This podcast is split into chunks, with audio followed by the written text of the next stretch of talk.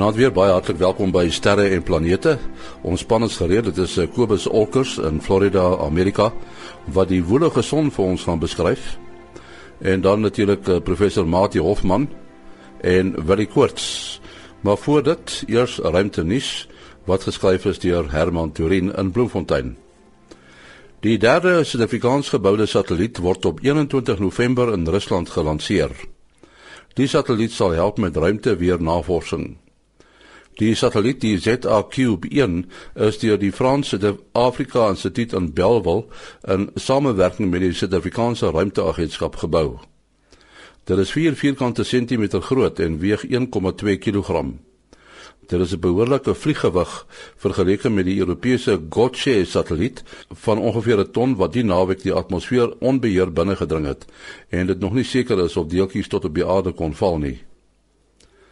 Nog nuus van die Suid-Afrikaanse Ruimteagentskap is dat die agentskap ook gekies is om Indië by te staan met die tuig wat die land na Mars gelanseer het. Die koste van Indië se Mangalyaan eh, tuig na Mars is baie goedkoop en word op gelykstaande aan die produksiekoste van drie gemiddelde Bollywood rolprente gestel. Met die lansering het Indië die eerste Asiatiese land geword wat 'n Mars-tuig suksesvol op koers na die rooi planeet geplaas het mits die tuig sy sending om Mars se atmosfeer vir spore van metaan te ondersoek suksesvol kan afhandel. Beide China en Japan het al Mars-sendinge op die proef gestel, maar hul pogings maak deel uit van die groot presentasie sendinge wat nie die pyp kon rook nie. Suid-Afrika sal satellietopsporingsdata oor die vordering van die tuig voorsien. Intussen het die Suid-Afrikaanse Ruimteagentskap ook verskeie poste in Hermanus en Pretoria geadverteer.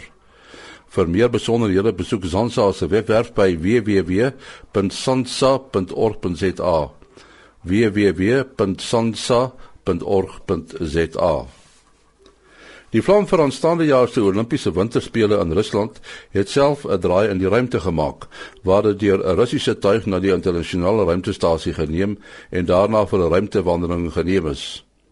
Wanneer die vlam sy aflos voltooi het, sou dit 'n enorme afstand van 40000 km op aarde en in die ruimte afgelê het. Die vlam het intussen teruggekeer moeder aarde toe. Tot sover ruimte nie staan wat geskryf is deur Herman Turin. Jacobus Olkers daar in Amerika in Florida, die is nou weer gereed en ons gaan praat oor die son. En die laaste paar kere wat ons met hom gepraat het, was daar 'n woelige son aan die gang. Nog steeds so Kobus? Goeienaand en ja nee, vrintie waar. Hierdie son is nou besig met sy tweede piek, hard en duidelik. Ehm um, die enetjie wat ons nou die afgelope week soveel probleme gegee het, uh, is nou is nou reeds agter die uh son se horison ingeroteer, maar daar's weer 'n nuwe groot een wat uitgekom het en hy kook al. Ehm um, dan het ons ook nog uh wat ek voor ek nou van hom af wegstap, moet ons net sê hy gaan vir ons waarskynlik vir die volgende week en 'n half nog uh, besig hou. Hy het sover al 'n hele paar C-klas vakels gegee en hy's besig om toe te neem in kompleksiteit. Dan het ons 'n massiewe korona gat wat vroeër vanoggend sy effek begin wys hier op die aarde se kant. Uh magnetiese vlakke is redelik hoog en hy gaan nog ten minste vir die volgende 3-4 dae uh sy teenwoordigheid laat geld. Dan het ons natuurlik nog steeds ten minste was dit 1 2 3 4 filamente wat ook uh, die potensiaal het om om uit te bars.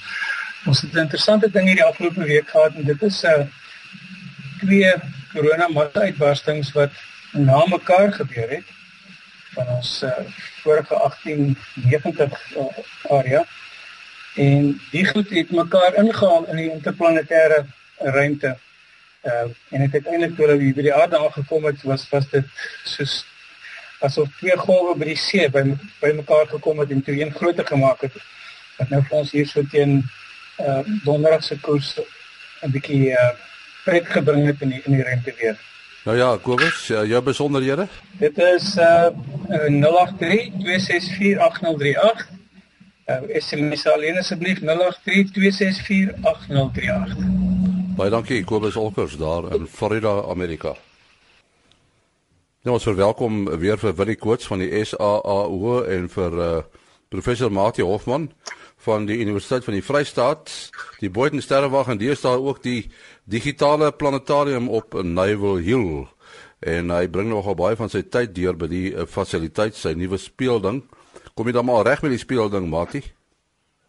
Uh en ja, ek is net baie bly hierso is 'n uh, uh, klompie jong nagraadse studente wat uh, wat ons ook oplei. Ehm uh, baie van hierdie tegniese goed kom ons vir die vir die jong geslag 'n uh, bietjie makliker en daar's baie ander dinge waaroor ek my moes bekommer.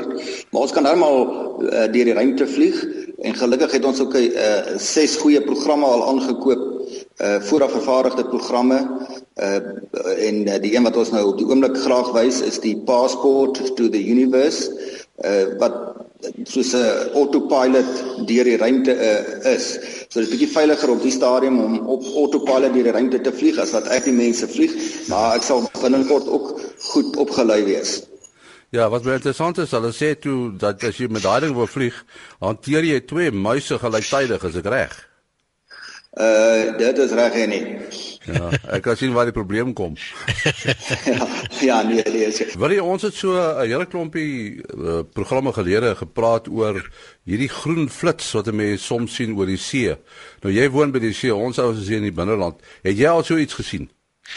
Uh ja, nee, uh eenmal en toe nooit weer nie. Ek het so laas keer gesê ek het uh, daarvan gelees en en en uh tegnieke hoe mense dit moet kyk en wanneer dit beter sigbaar is en also aan en toe en ons nou die eenslag toevallig daar by Sedgefield nogal uh by die seeloop stilhou en ek sien die son gaan op die see ondergaan uh uh gou vir die familie verduidelik en daar sien ons die flits en ek dink toe nou wat is nou so moeilik daaraan?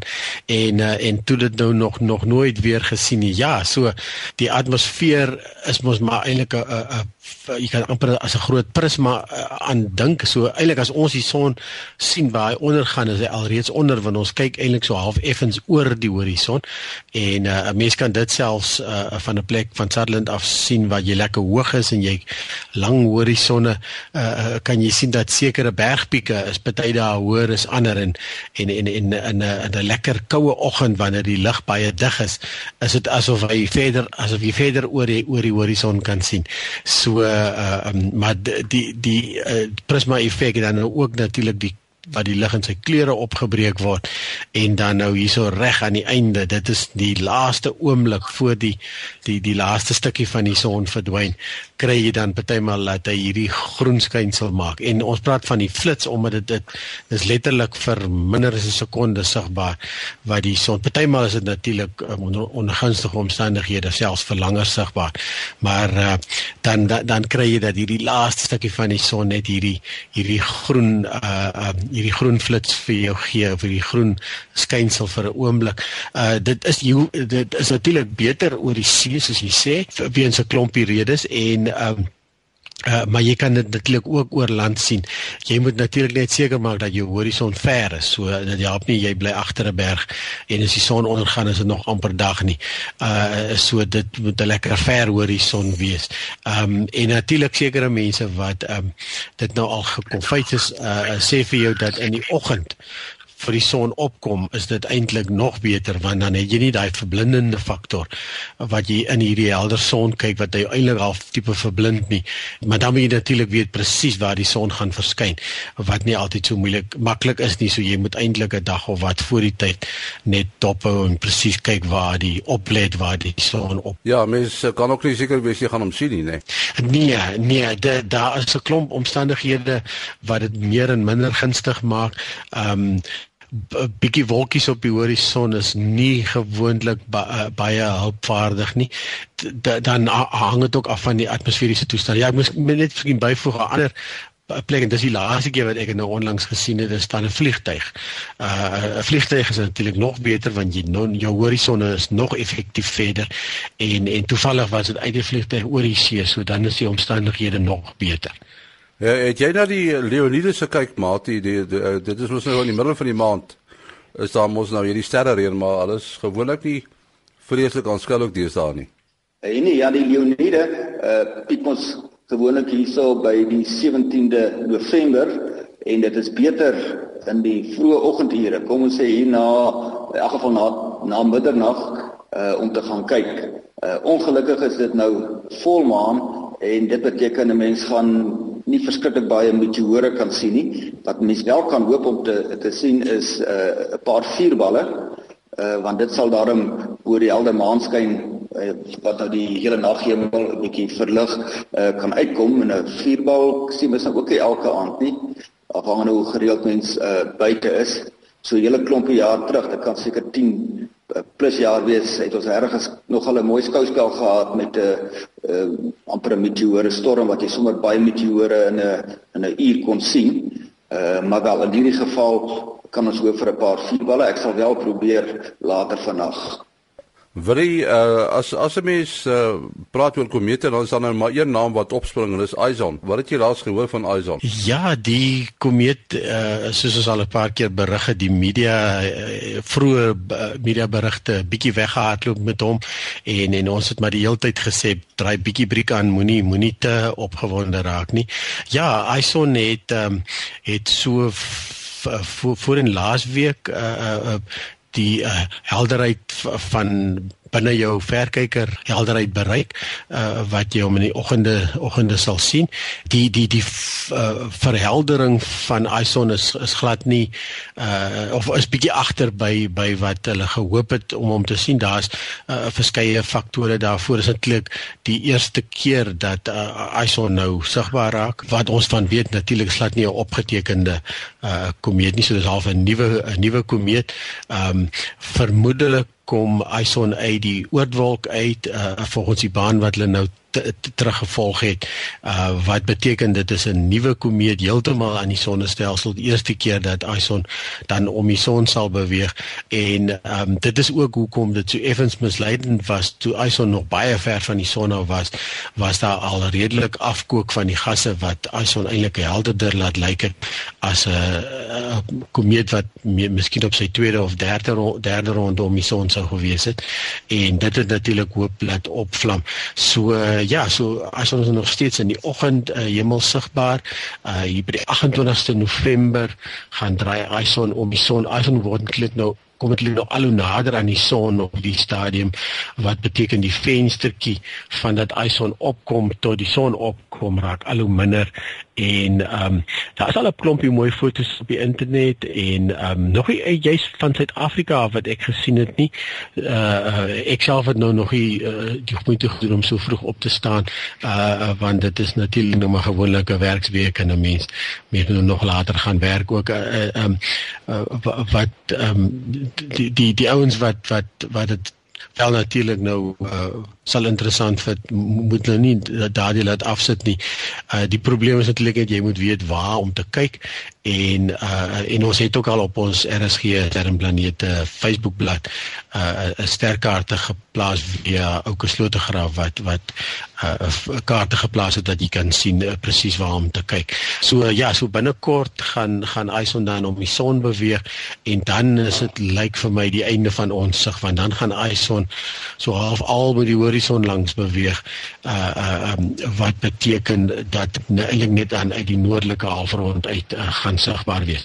So wat ook al dan gebeur met Ison is eintlik nog heeltemal 'n oop vraag want Ison gaan minder as 'n sonradius uh, uh of 'n sondeursnee van die sonoppervlak verby beweeg wat baie baie naby is en um uh, uh as die een kant van die scenario reg is dat dat uh, dat Ison wonderlik gaan gaan uitbars en en uh, hierdie wonderlike ster vorm dan gaan ons ongelukkig aan die suidelike halfrond baie suurdrywe kyk na die berigte. Ehm um, en en die ander kant van die scenario is natuurlik dat die komeet heeltemal gaan opbreek en en en glad uh, geen uh, vertoning lewer nie. So dit sal dit sal net tyd leer ongelukkig. Ja, jy nie die uh, ek kan dit klink vir my of wil jy nog nie genoeg vertrou het in die uh, wat die komeet gaan oplewer dat hy al van 'n vliegtuigkaartjie noordelike halfrond toe gekoop het nie. Maar as dit nou regtig die uh, kom, beste komeet van alle tye uh, sal word wat nou meer onwaarskynlik lyk maar die begin van die jaar het hulle so voorspel dan dan kan die mense wat dit bekostig dit seker maar oorweeg om so skouspel te kan sien. Uh, terwyl uh, Ison nou na die son toe val sal dit goed om die volgende gedagte te hou twee weke gelede van as jy nou terugwerk vanaf die naaste punt op uh, 28 November en daai twee weke het hy uh, sal hy ongeveer 100 miljoen kilometer afgelê het. So hy val nou na die son en hy mis hom net net soos uh hy gesê het met 'n sonbreedte. So terme van uh af die die grootte van die baan wat honderde miljoene kilometer groot is, is dit regtig 'n 'n naby mis. Uh en dit is nou die interessante ding van die komeetbaan is dat hulle so geweldig plat ellipties is dat hulle werklik baie spoed optel in daardie laaste paar dae wat hulle dan nou om die son sweep. Uh as jy mense deesdae, jy weet almal het toegang tot die internet en mense sien hierdie wonderlike foto's wat jy kry op space.com daar's 'n hele paar van hierdie webwerwe. Maar dan dan wat 'n mens tref is die wonderlike kleure. Uh dit is nie hoe dit goed afgeneem word nie nee. Hulle word met filters uh gekleur en is uh, vals kleure as ek reg Ja, veral in die sterkunde in die professionele sterkundige wêreld is die kameras wat ons op ons teleskope het is maar net swart en wit kameras. En uh, mense dink baie maal, "Sjoe, maar julle is bietjie agter by die tyd." Natuurlik die vereistes vir vir ons kameras is natuurlik heeltemal anderster as as vir 'n uh, gewone fotografie of videokamera of wat ook al. So die die uh, en die groot vereiste en die groot verskil natuurlik is dat ons kameras is baie baie meer ligsensitief. Um ek het nou die dag is altyd moeilik om aan die publiek te verduidelik hoe hoe ligsensitief die goeders is tot totdat ek eintlik half deure deur 'n toevallige ontdekking of amper 'n fout kan jy maar sê besef het maar dit is eintlik 'n goeie verduideliking nou die meeste deesdae ken ons almal hierdie compact fluorescence hierdie hierdie um wat, wat ons gloeilampe ver, vervang het deesdae die klein neon liggetjie en en dit is veral opmerklik met hulle maar jou gewone neon buis kan jy dit ook sien. Uh um as jy hom afskakel dan sien jy hy gloei nog so vir 'n oomblik. En en dit dit sien 'n mens nou baie maal vir alles dit as jy hy's nou al donker is en jy stap ongelukkig kyk jy ook half in hierdie lig in. So jou oë is nou nie regtig gewoond aan die donker nie. En uh um maar in in Salt het hulle agtergekom dat selfs vir 2 ure nadat hulle die fluoresens afgeskakel het, is daar nog steeds 'n gloed en en uh so as mense nou net dink aan aan hierdie uh, uh, skakelaar hierdie lig wat jy afskakel en dit lyk of dit net 'n sekonde is is dit weg. Uh um, dan gee dit mense 'n idee van nog meer hoe sensitief is daardie kameras wat ons byvoorbeeld op salt het dat hulle dan vir 2 ure na die tyd nog steeds die die observasies kan uh, kan belemmer. En uh so jy kry jy kry dan um dan dis dieselfde uh geval dan met met met die verskillende klere of wat ook al wat jy nou van gevra het. Ons het nou hierdie baie ligsensitiewe kameras en en maar is net swart en wit. So om nou kleur te um, te veroorsaak of kleur te vorm, uh, gebruik ons dan filters. Ons sit verskillende kleurfilters voor die kamera en dan neem dan individuele fotos wat dan agterna uh, saamgestel word. Dit is wel moontlik om um, om om sogenaamde uh, regte kleur true color uh, uh, uh, beelde te vorm as jy dan jou kamera soort van kalibreer.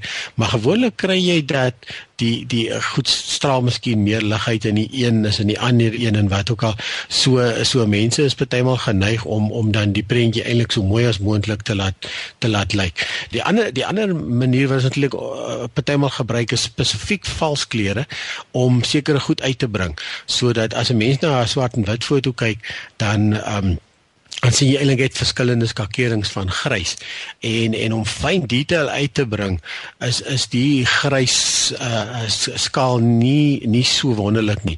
Wat hulle dan partymal doen is dan sal hulle die die jou kleure van die reënboog uh, die verskillende kleure van grys uh, uh her uh wat met hulle map nê nee, dit dit dit dit 'n 'n ander 'n ander uh, uh lookup table wat hulle sê gee en dan en dan uh, kan jy partymal baie fyn detail kom dan uit in die kleur want mense oog is eintlik so half meer meer uh, ingestel op kleure en dan die verskillende kontraste tussen die kleure. Die uh en wat natuurlik belangrik is omdat daai kamera so geweldig sensitief is, moet hulle ook nog uh verkoel word. Dit is uh gewoonlik termo-elektriese verkoeling wat ek dink tot so by -40 grade kan gaan. Ek het eenvoudig nog by Sutherland die vloeibare stikstof gebruik as hulle nog laer temperature uh, moet bereik nie. Uh, ek sou nou graag vir Willie wou vra omdat hy nou baie met die kameras werk as uh, ons weet nou vir die sterrekundiges is sensitiwiteit die belangrikste oorweging wat mens nou dink aan aantal pixels het ons almal as ons 'n kamera koop dan wil ons net weet maar hoeveel pixels uh het die kamera het hoe vergelyk nou die sê die piek aantal pixels of ten minste die pixeldigtheid van die kommersiële digitale kameras met die uh, sterrekundige kameras. Ja ja om om jou vraag te antwoord van die verkoeling ja ons gebruik wel vloeibare stikstof nog op van die kameras en dan gebruik ons ook moderner uh meer um um, eintlik makliker tot 'n mate maar dit is dan gespesialiseerde uh verkoelingseenhede uh en dan gebruik ons tot vloeibare helium met met van die ander uh, van die ander kameras veral wat in die infrarooi werk was nou regtig wil koud gaan en dan gaan ons hier so af na 30 na 50 Kelvin toe so dit is so minus 200 en ehm um, 50 en ja. daar in daai omgewing. Ons het nog selfs kameras wat wat minder as 'n sogenaamde VGA standaard is en die goeders doen nog baie goeie werk. Uh, uh wat dan net so 'n half megapixel of 'n 1 megapixel kameras dit is nog wel, wel heel wat van hulle in in in diens. Uh is uh, groter jou teleskoop raak uh, is jy geneig om groter groter kameras en, en wat natuurlik meer uh meer pixels so in in salt het ons 'n 16 megapixel en 'n 24 megapixel kamera. En uh, die ons nou die dag aangewerk het wat ons op op die Facebook bladsy gesit het was ook die een is 'n 8 uh, megapixel uh, is 4 by 2 ja 8 en die ander een is 16 'n megapixel die die verskil wat jy dan natuurlik kry is omdat jou teleskoop raak nou eintlik jou lens uh, uh, uh, en dan as jy baie klein pikseltjies gebruik soos wat gewone kommersiële kameras het uh, dan dan het jy eintlik half te veel pixels wat na mekaar sit. So ons pixels is ge, gewoonlik groter. Ehm um, seker in die orde van 3 maal groter. So waar jy tipiese 5 uh, mikron pixel gaan hê op op 'n digitale kamera, uh, is ons pixels in die omgewing van 15 mikrons.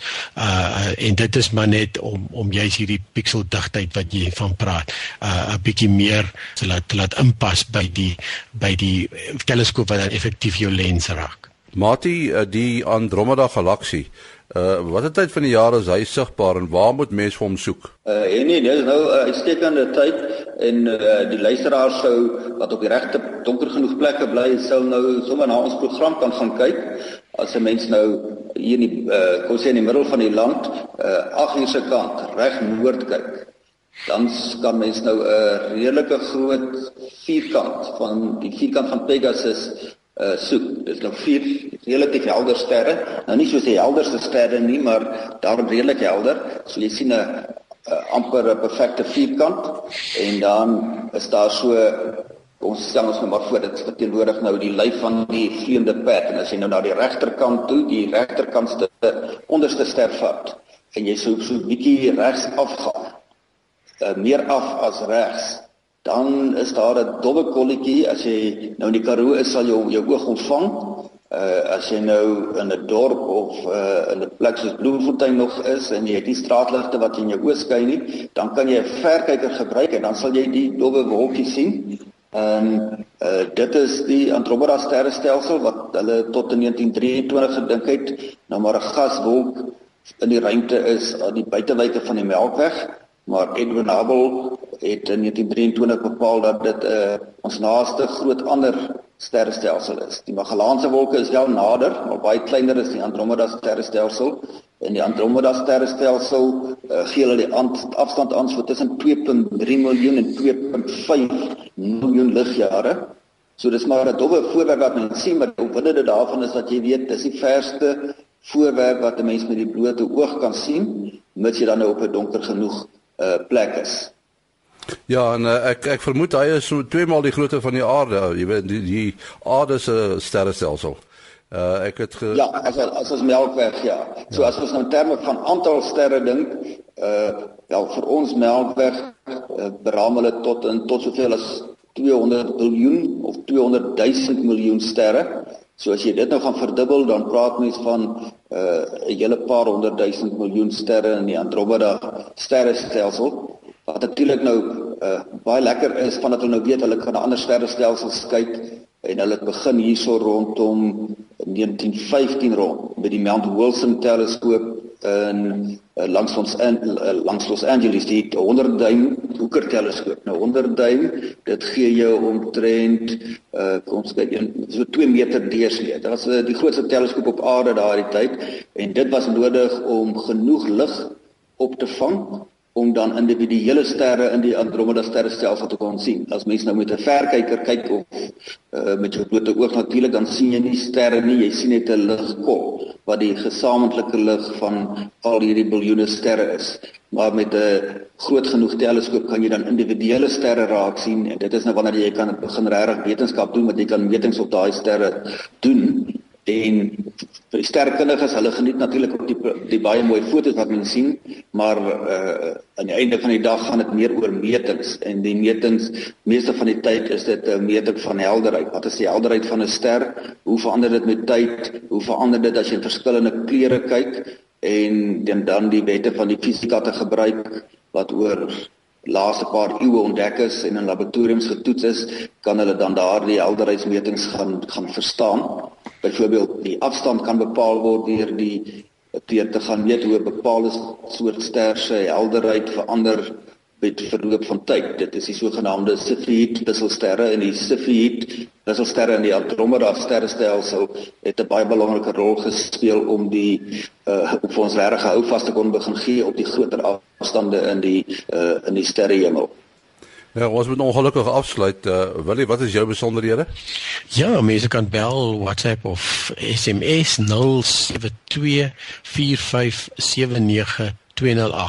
0724579208. Mati? Uh en nie 083 625 7154 083 625 7154 en die mense kan nog maar SMS as hulle belangstel om die planetarium vertonings te kom kyk. En my uh, e-posadres is maas.denny@gmail.com. maas.denny@gmail.com. Tot volgende week. Mooi loop.